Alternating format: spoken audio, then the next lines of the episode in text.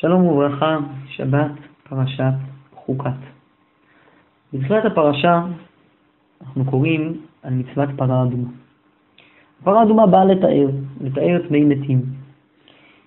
ושאלה כללית שעולה כאן היא מה בכלל הבעיה להיות טמא, מה האיסור להיות טמא. והתשובה היא שהטומאה בעצמה היא לא איסור. אבל קשר בין טומאה לבין הקודש הוא קשר אסור. ופעמיים התורה מציינת את זה בתחילת הפרשה שלנו. בפעם הראשונה, בפסוק י"ג, כל הנוגע באמת בנפש האדם אשר ימות ולא יתחטא, את משכן אדוני טימא ונכרתה הנפש ההיא מישראל, כי מי נידה לא זורק עליו טמא יהיה עוד טומאתו בו. כאשר האדם הטמא שנגע בנפש אדם שמת, נכנס לתוך המשכן ומטמא את המשכן. וזה איסור חמור, איסור כרת. ובהמשך הפרק, עוד פעם, בפסוק כ', ואיש אשר יטמע ולא יתחטא ונכרתה נפש האם מתוך הקהל, כי את מקדש אדוני טימא, מי נידה לא זורק עליו, טמא הוא. בשתי המקומות האלה, התורה בעצם מלמדת אותנו את האיסור על טמא מת להיכנס למקדש. איסור חמור, שכאמור, יש עליו גם כרת. הגמרא דנה באיסור הזה במסכת שבועות, בדף י"ד עמוד א', במשנה שם, אה, ובגמרא שלאחריה, ואנחנו היום נדון בנקודה שקשורה לאיסור הזה, אה, באופן מעט עקיף. וזה השאלה של רלוונטיות האיסור הזה היום. כמובן שהסוגיה של כניסה להר הבית אה, בימינו היא סוגיה טעונה ורחבה, ואנחנו לא נתייחס לכל ההיבטים שלה בשיעור הזה, אפילו לא מתיימר לגעת בכל ההיבטים שלה. מטרתנו היא לדבר בנקודה נורא נורא מסוימת, שיש לה קשר לסוגיה הכללית של עלייה להר הבית, אבל היא לא אה, אה, הגורם היחידי שמשפיע על הסוגיה הזאת. וזו שאלת קדושת הר הבית, קדושת המקדש בזמן הזה. וננסה לדון בנושא הזה דרך באמת האיסור של טמא מת להיכנס למקדש. איסור שהרמב"ם פוסק אותו בהלכות בית הבחירה, בפרק ו', הלכה י"ד. שם הוא כותב, כל מקום שלא נעשה בכל אלו, וכסדר הזה, אין קידוש גמור, וזה שעשה עזרה שתי תודות הוא שעשה לא במעשיו מתקדש המקום שלא היה שם המלך ולא מתומים וכולי וכולי. ובמה נתקדשה, שואל הרמב"ם, במה התקדשה ירושלים? בקדושה ראשונה שקידשה שלמה. כאשר שלמה המלך בנה את בית המקדש בהר הבית, הוא קידש את הר הבית, שהוא קידש העזרה וירושלים בשעתן וקידשם לעתיד לבוא. ומכוח הקדושה הזו מבין הרמב"ם שלאדם הנכנס היום להר הבית מתחייב בכרת. הרייבד, מכיוון שהר הבית עדיין קדוש. הרייבד שם חולק עליו. מקשה משתי מקומות, ומגיע למסקנה שאפילו לרבי יוסי דאמר קדושה שנייה קידשה לעתיד לבוא, לא אמר אלא לשאר ארץ ישראל. אבל ירושלים במקדש לא אמר, וכך נגלה לי מסוד השם ליראיו, מסיים הרייבד את דבריו. לפיכך הנכנס עתה, שם אין בו. ובעצם יש כאן מחלוקת בין הרמב"ם לבין הרייבד, האם מי שנכנס היום למקום המקדש בעצמו, חייב בכרת לשיטת הרמב"ם, או לא לשיטת הרייבד. כשבעצם השאלה שלהם האם קדושת הר הבית קיימת גם היום, הקדושה הראשונה של הר הבית קידשה לשעתה ולעתיד לבוא, או שמא היא קידשה אך ורק לשעתה ולא קידשה לעתיד לבוא. אנחנו ננסה להתמקד במחלוקת הזאת, ודרכה נגיע לשאלה הכללית של הקדושה בירושלים ובהר הבית בזמן הזה. אז הרמב"ם באמת מייסד את דבריו על הגמרא במסכת שבועות. המשנה שם בדף י"ד עמוד א' אומרת, אחד הנכנס לעזרה ואחד הנכנס לתוספת העזרה, שאין מוסיפים על העיר ועל העזרות, אלא במלך ונביא ואורים ותומים וסנהדרין של 71, בשתי תודות ובדין, ובשיר ובית דין מלכים ושתי תודות אחריהם וכל ישראל אחריהם. המשנה כאן מתארת את הסדר, את הטקס שעל ידו היו מוסיפים ומרחיבים את שטח האזהרה. המשנה מתחילה עם הלכה שקשורה לדין שלנו, שדין אדם הנכנס לאזהרה בעצמה הוא דין האדם הנכנס לתוספת האזהרה. שניהם חייבים כרת.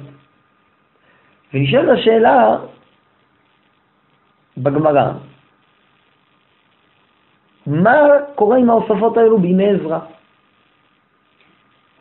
הפסוקים בעזרא מתארים שעזרא כן הביא שתי תודות וכן עשה שיר, אבל אורים ותומים, שזה אחד מהדברים שבהם מקדשים את האזהרה, לא היו לעזרא. וממילא נחלקו בגמרא. כל שלא נעשית בכל אלו, אין לדין תוספת הזרה, כך אומרת המשנה. איתמר, רב הונא אמר בכל אלו תנן, רב נחמן אמר באחת מכל אלו תנן. לדעת רב הונא באמת כל הדברים האלה מעכבים, ואם אין את כל הפרמטרים המנויים במשנה, אי אפשר להרחיב את קדושת האזהרה. לעומתו, רב נחמן חולק, הוא אומר שמספיק אחד מכל הדברים האלו, לא צריך גם נביא, גם מורים ותומים, גם מלך, גם סנדנין והכל, אלא אפשר להסתפק אך ורק באחד מהם. והגמרא מביאה ברייתא, תנן. רב הונא אומר, בחוללו תנן, כסבר קדושה ראשונה קידשה לשעתה וקידשה לעתיד לבוא. הרי לפי שיטת רב הונא, שבאמת צריך את כל הדברים הללו בשביל לקדש את ה... להוסיף על קדושת אזהרה, נשאלת השאלה כיצד בימי בית שני יכלו להקריב קורבנות, אבל בבית שני לא היו הורים ותומים. וממילא לא ניתן לקדש שוב פעם את בית המקדש בקדושתו, ולא ניתן להקריב קורבנות ולקיים את העבודה בבית המדרש כתקנה. לכן אומרת הברייתא, רב הונא מוכרח לסבור שקדושה ראשונה קידשה לשעתה וקידשה לעתיד לבוא. אותה קדושה של שלמה המלך שנוצרה במלך ונביא ואורים ותומים וסנדגין של 71, כל הדברים שהיו בימי בית ראשון. היא קיימת גם בימי בית שני, ומכוחה הקריבו קורבנות בבית שני. ועזרא, הרי יש לנו פסוקים מפורשים בעזרא שהוא כן, שכן מתארים את קדושת האזהרה על ידי עזרא, זכר בעלמא הוא דעבד. מה שעזרא היה, עשה זה היה רק זכר לטקס המקורי ששלמה המלך עשה, ועל ידו נתקדשה באמת האזהרה, אבל המעשים של עזרא לא ממש הכילו קדושה חדשה על האזהרה. ולעומתו, הרב נחמן סובר שבאמת הקדושה הראשונה פגעה, ועזרא הכיל קדושה חדשה. ובהמשך הגמרא מציעה שיש כאן, אז הרמב"ם, כמו שאנחנו רואים, מכריע במחלוקת התנאים כאן, מחלוקת האמוראים, כשיטת רב הונא, בכל אלו תנן, וממילא קדושה ראשונה קידשה לשעתה, וקידשה לעתיד לבוא, ולכן גם בימינו אותה קדושה ראשונה של שלמה המלך, מכוח קדושתה עדיין הר הבית קדוש. ופסיקת הרמב"ם, מסביר הכסף משנה, מיוסדת על שתי מקורות. ראשית כל, המשך הגמרא במסכת שבועות. שם הגמרא אומרת, תנאי היא, אותה מחלוקת של רב הונא ורב נחמן, שבברייתא מסבירים שהיא בעצם מחלוקת האם קדושה ראשונה קידשה לשעתה או קידשה לעתיד לבוא, היא מחלוקת תנאים. איזה מחלוקת תנאים? אמר רבי אליעזר, שמעתי, כשהיו בונים בהיכל, עשו קלעים להיכל וקלעים לאזהרות. אלא שבהיכל בונים מבחוץ ובאזהרות בונים מבפנים. אז לדעת רבי אליעזר, כאשר באים לבנות את בית המקדש, אז את האזהרות אפשר לבנות מבפנים, אבל את ההיכל צריכים לבנות מבחוץ. משמע מדבריו שקדושת ההיכל עדיין קיימת, ולכן יש איסור להיכנס אליו. אמר רבי יהושע, המשך הברייתא, שמעתי שמקריבים אף על פי שאין בית, אוכלים קודשי קודשים אף על פי שאין טלאים, קודשי מקדמים מעשר שני אף על פי שאין חומם, מפני שקדושה ראשונה קידשה לשעתה וקידשה לעתיד לבוא. אז בדברי רבי יהושע מפורש שהוא סובר שקדושה ראשונה קידשה לשעתה וקידשה לעתיד לבוא. ומציעה הגמרא שלפי רבי אליעזר באמת קדושה ראשונה קידשה רק לשעתה ולא לעתיד לבוא, לכן מותר לבנות בתוך האזהרה, אף על פי שגם הנכנס לאזהרה בטומאה חייב כרת. ובכללי הפסיקה במחלוקת רבי יהושע ורבי אליעזר אנחנו פוסקים כרבי יהושע. וממילא יש כאן ראיה שההלכה היא שקדושה ראשונה קידשה לשעתה וקידשה לעתיד לבוא. מחלוקת נוספת, מחלוקת בין רבי יוחנן לרבי בגמרא בזבחים בדף ק"ז עמוד ב', איתמר, המעלה בזמן הזה, מה הדין של מי שמקריב קודשים בזמן הזה מחוץ לבית המקדש? יש איסור בתורה, שחוט איכות, כי אם במקום אשר יבחר, שם תזבח את עולותיך, אסור לשחוט קודשים מחוץ לבית המקדש. אז מה הדין בזמן הזה שבית המקדש לא קיים? אז רבי יוחנן אמר חייב, ריש לקיש אמר פטור. רבי יוחנן אמר חייב, קדושה ראשונה קידשה לשעתה וקידשה לעתיד לבוא. ריש לקיש אמר פטור, קדושה ראשונה קידשה לשעתה ולא קידשה לעתיד לבוא. במחלוקות בין רבי יוחנן וריש לקיש, אנחנו יודעים שהלכה כרבי יוחנן. וממילא, גם כאן יוצא שצריך לפסוק את ההלכה, לפי מאן דאמר, קדושה ראשונה קידשה לשעתה וקידשה לעתיד לבוא. אם כן, גם מהסוגיה בשבועות ט"ז וגם מזבחים ק"ז עמוד ב', מוכחת פסיקתו של הרמב"ם, כמאן דאמר, קדושה ראשונה קידשה לשעתה וקידשה לעתיד לבוא. הבעיה עם דברי הרמב"ם, וכבר התוספות במסכת שבועות בדף ט"ז עמוד א' מעלה את הבעיה הזו, שישנן מספר סוגיות שבהן אנחנו פוסקים להפך. ואם תאמר, מקשים שם התוספות, זה בפרק כמה דחגיגה, דף ג' עמוד ב', רבי אליעזר סובר שקדושה ראשונה לא קידשה לעתיד לבוא. בניגוד לגמרא אצלנו, שמציעה בהמשך דבריה של רבי עזר קדושה שנייה, קידשה לעתיד לבוא. ובעקבות הסתירה הזאת, מחלק התוספות חילוק עקרוני וחשוב. ויש לומר, דקדושת הארץ לגבי תרומה ומעשרות בטלה, ואח אגי בקדושת מחיצה, דאפשר ולא בטלה, משום דאיקרי נחלה, וקדושת בתי הרחומה, דמאית בסמוך נמי אבי קדושת מחיצה, ואף על גב דקדושת הארץ בטלה. התוספות כאן מציע לחלק בין שתי קדושות של ארץ ישראל. קדושה אחת מתייחסת למצוות התלויות בארץ, תרומות, מעשרות, ביקורים. ולגבי הנאמר שקדושה ראשונה קידשה לשעתה ואולי לא קידשה לעתיד לבוא. והקדושה הזאת נובעת מעצם אה, המציאות של ארץ ישראל. היא קדושה שמיוחדת לעם. אבל יש רובד נוסף של קדושה, שהתוספות קורא לה קדושת מחיצות. זו קדושה שנובעת מבית המקדש. ארץ ישראל היא קדושה פעמיים. ראשית כל, מעצם היותה ארץ ישראל, ארץ אשר עניה של אלוקיך בה, וזו קדושה אחת, אבל בנוסף ארץ ישראל היא גם מקום המקדש. ולכן היא קדושה גם ברמה מסוימת של קדושת מקדש. ובין שתי הקדושות האלה מחלקים התוספות, והחילוק הזה מופיע גם ברמב"ם. בפרק ו' בבית הבחירה, הלכה ט"ז, כותב הרמב"ם. ולמה אני אומר במקדש וירושלים קדושה ראשונה קידשה לעתיד לבוא? ובקדושת שאר ארץ ישראל לעניין שביעית ומעשרות וכיוצא בהם לא קידשה לעתיד לבוא. אז גם לרמב"ם יש חילוק. לגבי קדושת המקדש הוא פוסק שקדושה ראשונה קידשה לשעתה וקידשה לעתיד לבוא. לגבי קדושת ארץ ישראל, קדושה ראשונה קידשה לשעתה ולא קידשה לעתיד לבוא. והרמב"ם גם מסביר ממה נובע החילוק הזה. לפי שקדושת המקדש וירושלים מפני השכינה, ושכינה אינה בטלה. והרי הוא אומר, והשימותי את מקדשכם, ואמרו חכמים, אף על פי ששוממים בקדושתן הם עומדים, גם כשהמשכן, המקדש שמן והבית לא נמצא, עדיין המקום הוא קדוש, השכינה נמצאת שם. אבל חיוב הארץ בשביעית ובמעשרות, לא אלא מפני כיבוש רבים. וכיוון שנלקחה הארץ מידיהם, בטל הכיבוש, ונפטרה מן התורה ממעשרות. אז אומר הרמב"ם, שתי הקדושות כאן תלויות בדברים שונים. קדושה אחת היא קדושת ארץ ישראל, והיא תלויה בכיבוש הארץ, בשליטה היהודית על ארץ ישראל, ולגבי הרמב"ם אומר שקדושה שנייה קידשה לשעתה וקידשה לעתיד לבוא, כי אה, אה, קידשה על ידי רשות, שעם ישראל קיבלו מכורש, מן העמים, ועל ידי הכרת העמים בארץ ישראל כארץ של העם היהודי. לעומת זאת, קדושת המקדש נובעת מהשכינה, מעצם העובדה שהקדוש ברוך הוא בחר לשכן את שמו בהר הבית, בהר המוריה.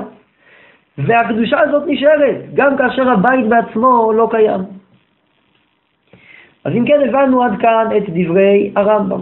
לפי הרמב"ם קדושת המקדש, בניגוד לקדושת ארץ ישראל, עדיין קיימת ועומדת, וממילא נכנס לעזרה גם בזמן הזה. חייב בטומאה, כמובן, חייב כרת. ראיה לחילוק הזה בין קדושת הארץ לבין קדושת המקדש אנחנו מוצאים במשניות במסכת כלים. משניות בתחילת מסכת כלים, בפרק א', מונות עשרה קדושות, החל ממשנה ו', עשר קדושות הן. ארץ ישראל מקודשת מכל הארצות, והמשנה ככה ממשיכה למנות את הקדושות עד שהיא מגיעה לקודש הקודשים. ובמשנה הזאת כשמסבירים מה קדושת ארץ ישראל, אז הדוגמאות שהמשנה מביאה היא עומר, ביקורים ושתי הלחם. ולכאורה עיקר חסי מן הספר, איפה מצוות תרומה, איפה מצוות מעשרות. הגר"א על אתר מוחק גם את תיבת הביקורים. גם את מצוות הביקורים מוחק מכאן הגר"א. מסביר הגר"א למה. דהאה נעיליו משום קדושת ארץ ישראל. כל המניעה של הקדושה כאן, של עשר הקדושות, זה מערכת של עשר קדושות שבסופו של דבר קשורות לקודש הקודשים ולבית המקדש. וזה שמביאים תרומה ומעשר דווקא בארץ ישראל, זה לא קשור לעובדה שבית המקדש נמצא בארץ ישראל. זה נובע מקדושת הארץ כשלעצמה, לא כהיותה מקום המקדש. מה כן נובע מהיות ארץ ישראל מקום המקדש? הבאת העומר ושתי הלחם, הדברים שקשורים באמת לקורבנות. לדעת הגר"א ביקורים היא גם מצווה התלויה בארץ. יש מקום לדון בזה ולהציע שהמשנה כאן לא סתם את ביקורים, כי גם ביקורים היא מצווה שתלויה במקדש, אך אין זה ענייננו כאן לדון בדיני ביקורים. בכל אופן, יש מכאן בהחלט ראייה טובה לחלוקה הזאת בין הקדושות, וזו שיטת הרמב"ם, כאמור. אלא שהרייבד מקשה על הרמב"ם משתי מקומות. במשנה במסכת מעשר שני פרק א', משנה A, נאמר כך: הלוקח פירות שוגג, יחזרו דמים במקומם. מזיד, יעלו ויאכלו במקום. אז מי שקונה פירות במאוד מעשר שני, מחוץ לירושלים, בעיקרון, מעשר שני צריך לבדוק אותו על כסף ממקום רחוק, ולעלות לירושלים, ובירושלים לקנות פירות בכסף הזה, אבל מה קורה אם אדם קנה בכסף הזה פירות מחוץ לירושלים? אז אם זה היה בשוגג, יש כאן בעצם מקח טעות, הקדושה חוזרת לדמים, הפירות חוזרים לבעליהם, והכל טוב ויפה. אבל אם זה היה במזין, הפירות קדושים, וצריך לאכול אותם בירושלים. ואם אין מקדש, אומרת המשנה, יירקבו. אם אין מקדש, אי אפשר לאכול את הפירות בירושלים. ונשאלת השאלה למה? אם קדושת מחיצות, קידשה לשעתה וקידשה לעתיד לבוא, מדוע שלא יהיה ניתן לאכול מעשר שני בירושלים? הרמב"ם, שם בהלכות הבחירה, פרק ו' הלכת ט"ו, כותב, אחרי שהוא פוסק שקדושה ראשונה של קדושת המקדש קידשה לשעתה ולעתיד לבוא, לפיכך מקריבים קורבנות כולם אף על פי שאין שם בית בנוי, ואוכלים קודשי קודשים בכל הזרה אף על פי שהיא חרבה, ואוכלים קודשים כללים ומעשר שני בכל ירושלים, אף על פי שאין שם חומות. שקדושה ראשונה קידשה לשעתה ולעתיד לבוא, בפירוש פוסק הרמב"ם, אפשר לאכול מעשר שני בירושלים, גם כשהמקדש לא קיים. אז איך הרמב"ם מסביר את המשנה, שאומרת על פירות מעשר שני, בזמן שהמקדש לא קיים, שהם יירקבו? דין דומה מופיע בגמרא והמציע בדף נ"ג עמוד א'. הגמרא שם מביאה ברייתא, שאומרת שמעשר שני בטל ברוב. נשאלת השאלה למה? לכאורה מעשר שני הוא דבר שיש לו מתירים, אפשר לעלות ולאכול אותו בירושלים בהיתר. דבר שיש לו מתירים לא בטל ברוב.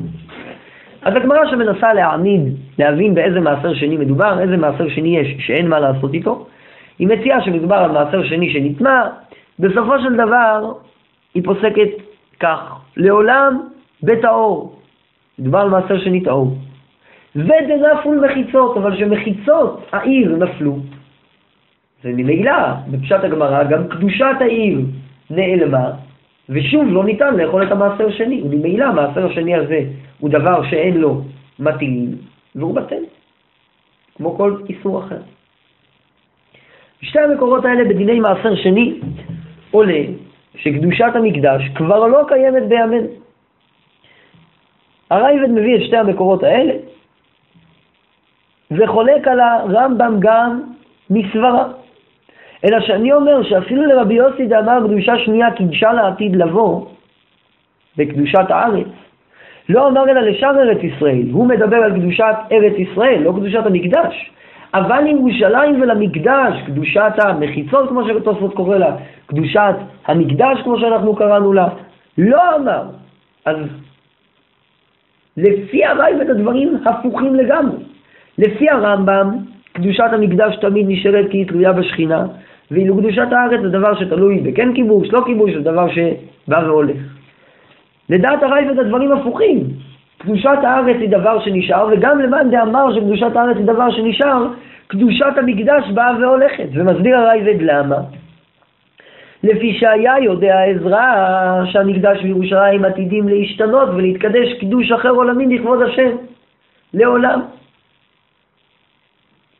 אומר הרייבד, גם עזרא כשהוא קידש, זה דבר נפלא, ידע, שבית שני לא יחזיק מעמד, והבית השלישי הוא יהיה הבית של גאולת עולמים. ולכן גם כשהוא קידש את העזרה, הוא קידש אותה בקדושה זמנית בלבד. תימה גדולה הסברה הזו של הרייבה. לכאורה היה מקום לומר דבר קצת אחר, שקדושת המקדש נובע מעצם העבודה בו. כאשר יש בית ויש מקום לעבוד, אז האדמה קדושה. כאשר אין בית ואין מקום לעבוד, האדמה לא קדושה. אבל כנראה שהרבד מקבל את הנחת היסוד שהדבר תלוי בהשראת שכינה, אלא שהשראת השכינה של עכשיו היא כאין וכאפס לעומת השראת השכינה של הגאולה העתידית, ולכן הקדושה שעזרא קידש היא אך ורק קדושה זמנית. האחרונים דחו את ראיות הרייבד. אבן העזל בהלכות בית הבחירה, פרק ו' הלכה י"ד, באבן העזל רבי סוזלמן מנצל הציע שהדין של נפול מחיצות נכון רק כאשר המעשר שני היה בירושלים ויצא מירושלים.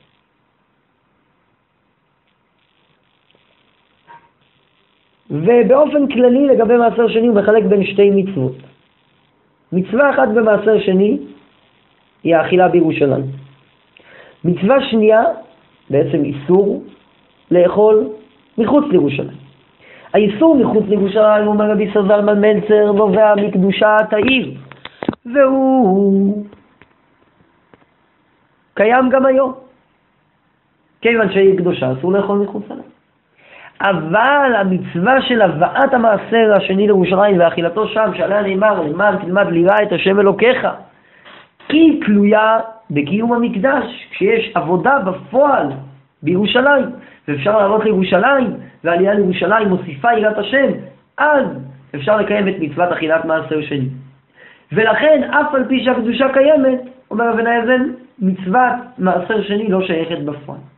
ברמב"ם הדברים קצת בעייתיים, כי הרמב"ם כותב בפירוש שניתן לאכול מעשר שני בירושלים. היה אפשר להציע לדחות את קושיות הרייבד בצורה אחרת. גם הדברים הללו לא מתיישבים ברמב"ם, אבל הם נרמזים בשו"ת משפט כהן, על ידי הרב קוק בסימן צדיק ו', שם עולה ההצעה שאולי יש לחלק בין דין טומאת מקדש וקודשיו לבין דינים אחרים. לגבי קדושת מקדש וקודשיו, ייתכן שהקדושה עדיין חלה, כי המקום הוא זה שקדוש ויש בעיה לטמא את המקום.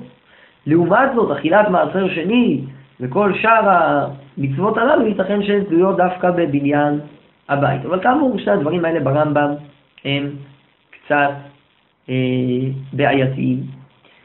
אה, ואם כן, גם על הרייבד ישנם קושיות, מהסוגיות שהוכחנו את דברי הרמב"ם, וגם על הרמב"ם יש קושיות, מהסוגיות שבהן הוכחנו את דברי הרייבד. אז מה עושים למעשה במחלוקת הזאת? איך פוסקים בה? אז יש לנו דברים מפורסמים בשם המאירי, המאירי במסכת שבועות בסוגיה שם, הביא את המחלוקת של הרמב"ם והרייבד, וסיים כך: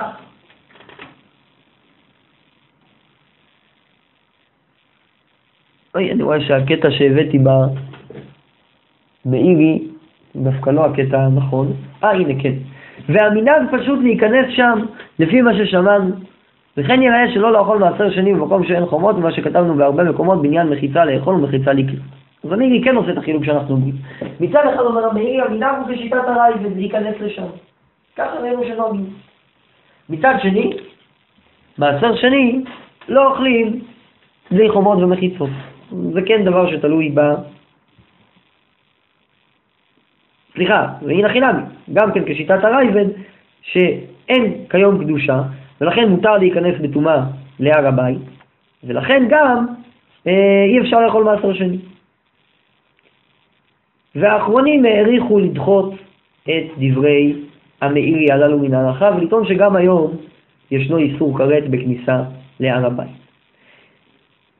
וכמה דרכים יש לדחות את מנהגו של מעיל. ראשית כל, גם בדעת הרייבד, רבים מבינים שיש קדושה בזמן הזה בבית המקדש. אמנם קדושה שלא מחייבת כרת, אלא רק יוצרת איסור, אבל יש. יש כמה, סליחה, כמה ניסוחים לכך. החתם סופר ביורדי הסימן רל"ג דיבר על מגורים בארץ ישראל, והוא כתב בפירוש, משם יבין דכל מה שכתבו דקדושת מקום המקדש לא באתי ואחרונים סביב מקרוב מקודשים פסי וקרובים אל אלוקינו. לא כיוונתי לעניין קיום המצוות התלויות בארץ ובמקדש, דאדרבה, כל מגמת כוונתי לרייבד. דהכל בטל בזמן הזה, בעוונותינו הרבים, דלאותה דעה יותר יש חיוב לעלות בזמן הזה, דלי כתבו את רבנו חיים שבתוספות. ומכל מקום, על כל פנים, קדושת בית אלוקינו ושאר השמיים לא בטל ולא יתבטל. כי אין לנו עוסקים אם חייב כרת הנכנס להר הבית בזמן הזה או לא, כי מה אכפת לנו בזה? אך העיקר הוא במה שמקום הרב מוריהו שער השמיים. אומר החתם סופר, יש עניין גם כיום לעלות לארץ ישראל, כי עצם הסגולות המיוחדות של ארץ ישראל, שבה ניתנה הנבואה, שהיא שער השמיים, שהיא מקום אה, שתפילות מתקבלות בו יותר, זה בוודאי דברים שהם נכונים גם לשיטת הרייבד, גם אם אין ספציפית איסור כרת. בצורה דומה, קצת שונה, אומר הרב טיקוצ'ינסקי, בעיר הקודש במקדש, פרק, חלק א', פרק A, שגם לרייבד יש קדושת מקום. אמנם לא קדושת מחיצות שמחייבת כרת, אבל קדושת מקום יש, ויש לכך כמה נפקמינות. למשל, שחוטי חוץ, כמו שראינו. לכאורה הרייבד גם כן צריך לפסוק כרבי יוחנן, באמת הוא לא מגיע על הרמב"ם שפוסק שגם בזמן הזה איסור שחוטי חוץ שייך, האיסור הזה נלמד מהפסוק, כאילו בתם הדתה אל המנוחה ואל הנחלה, כן? וכתוב שם שירושלים היא נחלה שאין לה הפסק. ברגע שעלו לירושלים הבמות נאסרו ולא יותרו יותר. מסביר אבטי קוצ'ינסקי למה? כי קדושת ירושלים קיימת. נכון, זה לא קדושת מחיצות שמחייבת כרת. חיוב כרת תלוי בבניין הבית. אבל הקדושה של ירושלים קיימת גם בלי זה. וכך באמת, גם הרב קוק במשפט כהן שם, בסימן צדיק ז', כותב שגם לרייבד, למרות שאין איסור כרת, אבל נשארה הקדושה על כל פנים לאיסור לאו ועשה. והתשמט בחלק ג' סימן ר"א מביא ראייה ממנהג שהיה בזמנו, שקיימו עלייה לרגל במצרים ושאר ארצות. והוא טוען גם שהוא רואה בעיניו איך מתקיימים הניסים בירושלים, שאיש לא אמר צר, צר לי המקום, ובתי הכנסת בירושלים, שהם מספיקים לאנשים בכל השנה, וגם כשמגיעים עולי הרגל ממצרים, עדיין יש בהם מקום, עומדים צפופים ומשתח... ויושבים רווחים, וזה מראה שארץ ישראל עדיין בקדושתה, וזה סימן גאולה שלישית, כך מסיים התשבט.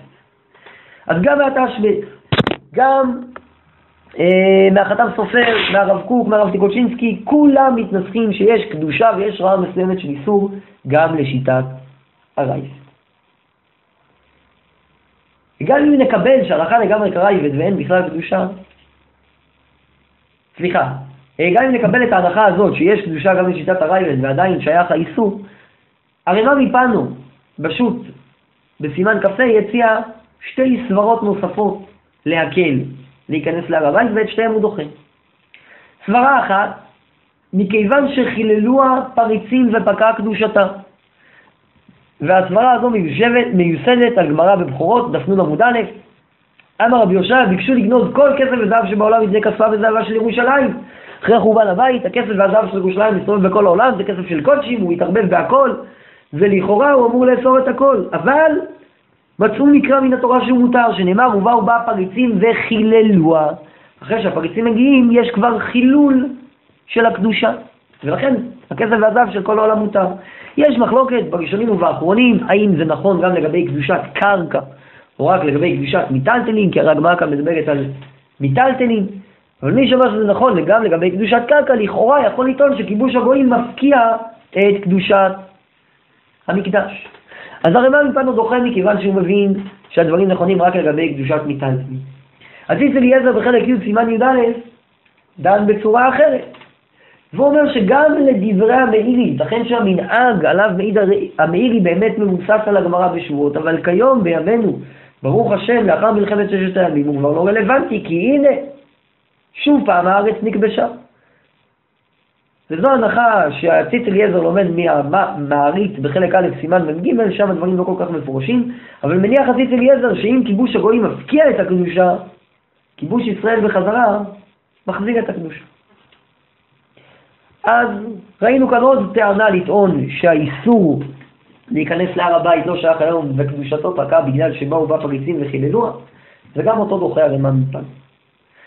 סברה שלישית להתיר גם כן מופיעה ברמ"א מפן, והיא קשורה לגמרא נוספת במסכת שבועות.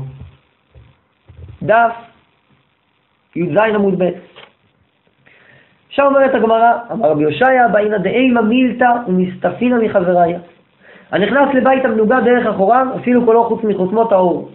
דכתיב והבא אל הבית דרך אסרת תורה. אדם שנמצא בבית המנוגה טמא.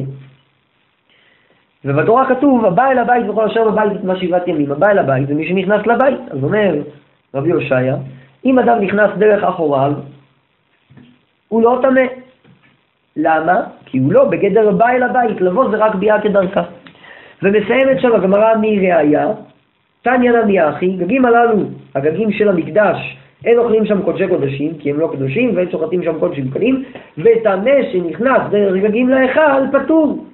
שנאמר, ולמקדש לא תבוא דרך ביאה. כאן יש לימוד, שדווקא בביאה בדרך של כניסה יש איסור. מציע רמ"א מפנו, כיום כשאין היכל, אין שער, אין דרך כניסה. אבל הוא דוחה גם את הטענה הזו, והוא מוכיח הוכחה מעניינת. מיוסף ואחיו, כאשר האחים רואים שיוסף מגיע אליהם, למרות שמדובר שם בחוץ, בלי שום בית ובלי שום כלום, הם נוקטים בלשון, הנה בעל החלומות על הזה בא. גם זה נחשב ביה, אומר הרמ"א מפנו. אפשר להוסיף על דברי הרמ"א מפנו, ובכך נחתום חזרה באיסור שבו פתחנו, שבאיסור טומאת המקדש יש שני דינים. דין אחד הוא הכניסה למקדש, שזה איסור על האדם, יש איסור לאדם טמא להיכנס למקדש, מקורו בפרשת תזריע, לגבי אישה שטמאה, לידה, נאמר, ולמקדש לא תבוא. כאן האיסור זה איסור ביאה, ובדרך ביאה כל אדם שנכנס, ברגע שהוא נכנס, עבר לאיסור וחייב כרת. אבל הגמרא בשבועות בי"ד עמוד ב' מדברת על מקרה של אדם שנטמע בעזרה. שם הוא לא נכנס בטומאה, הוא היה בתוך עזרת האור ופתאום הוא נטמע. ושם אומרת הגמרא שהוא צריך לחכות שיעור השתחוויה. אם הוא שוהה במקדש יותר משיעור השתחוויה בלי ניסיון לצאת מהמקדש, אז הוא מטמא את המקדש. ואז הוא עובר על הכרת. מדוע? מכיוון שכאן האיסור הוא לא הביאה, זה לא איסור על הגברי, אלא איסור שעיקרו בחפצה. הבעיה היא בטומאת המקדש, בגרימת טומאה למקדש. וזה איסור שנלמד מהפרשה שלנו. את מקדש השם טימא. הבעיה לא שהטמא נכנס למקדש, אלא שהמקדש כביכול נהיה טמא. מכאן לומד הרמב"ם בהלכות ביאת מקדש, פרק ג' נדמה לי, שיש איסור גם לזרוק שרץ לתוך המקדש. מכיוון שזה גורם למקדש להיות טמא. ואם כן, גם אם נניח שהדין של הבא אל הבית לא שייך בזמן הזה כי זה לא דרך ביאה, עדיין הדין של גרימת טומאה למקום המקדש שייכת. אז אם כן, זכינו היום לגעת במחלוקת הרמב"ם והרייבד בשאלת הקדושת הר הבית בזמן הזה, והיתר או איסור הטמאים להיכנס אליו, והאם יש איסור כרת או לא, ראינו שלדעת הרמב"ם יש איסור כרת בדבר, לדעת הרייבד אמנם אין איסור כרת, אבל בכל זאת מסתבר שהדבר אסור, ועדיין יש רמה מסוימת של קדושה. חילקנו בין קדושת ארץ ישראל לבין קדושת המקדש, ראינו שגם הרמב"ם וגם הרייבד מסכימים לחילוק על זה, כל אחד מושך אותו לכיוון אחר. וגם בדברי הרייבד חילקנו בין קדושת מחיצות, קדושת המקדש עצמה, לבין קדושת המקום בירושלים, שהיא בוודאי קיימת. ומכוחה גם יש מצד אחד איסור כניסה בזמן הזה למקום המקדש, אבל מצד שני יש גם סגולה למקום המקדש, מקום מסוגל לתפילה, אולי יש עניין של עלייה לרגל. ודרך אגב, למחלוקת הזאת יש נפקמינות רבות, למשל הרמב"ם טוען שלירושלים, יש דין ירושלים גם היום, נפקמינה לנטילת לולב בירושלים, תקיעת שופר בירושלים, ועוד מי שמעוניין, הרב טיקוצ'ינסקי מרחיב בדברים בספרו. רק חשוב לי להגיד הערה בשולי הדברים, כל הדיון שלנו כאן הוא לגבי טמא שנכנס למקום המקדש עצמו. היום גם מי שעולה להר הבית, בוודאי נשתדל להתרחק מהמקום שאנחנו משערים שהוא מקום המקדש, מסתובב רק במחנה אה, לוויה, שם יש דיונים אחרים, ולכן השיעור כאן ממש לא נוגע אה, הלכה למעשה בעולים להר הבית בזמן הזה, אלא רק במי שנכנס ממש למקום המקדש. שבת שלום.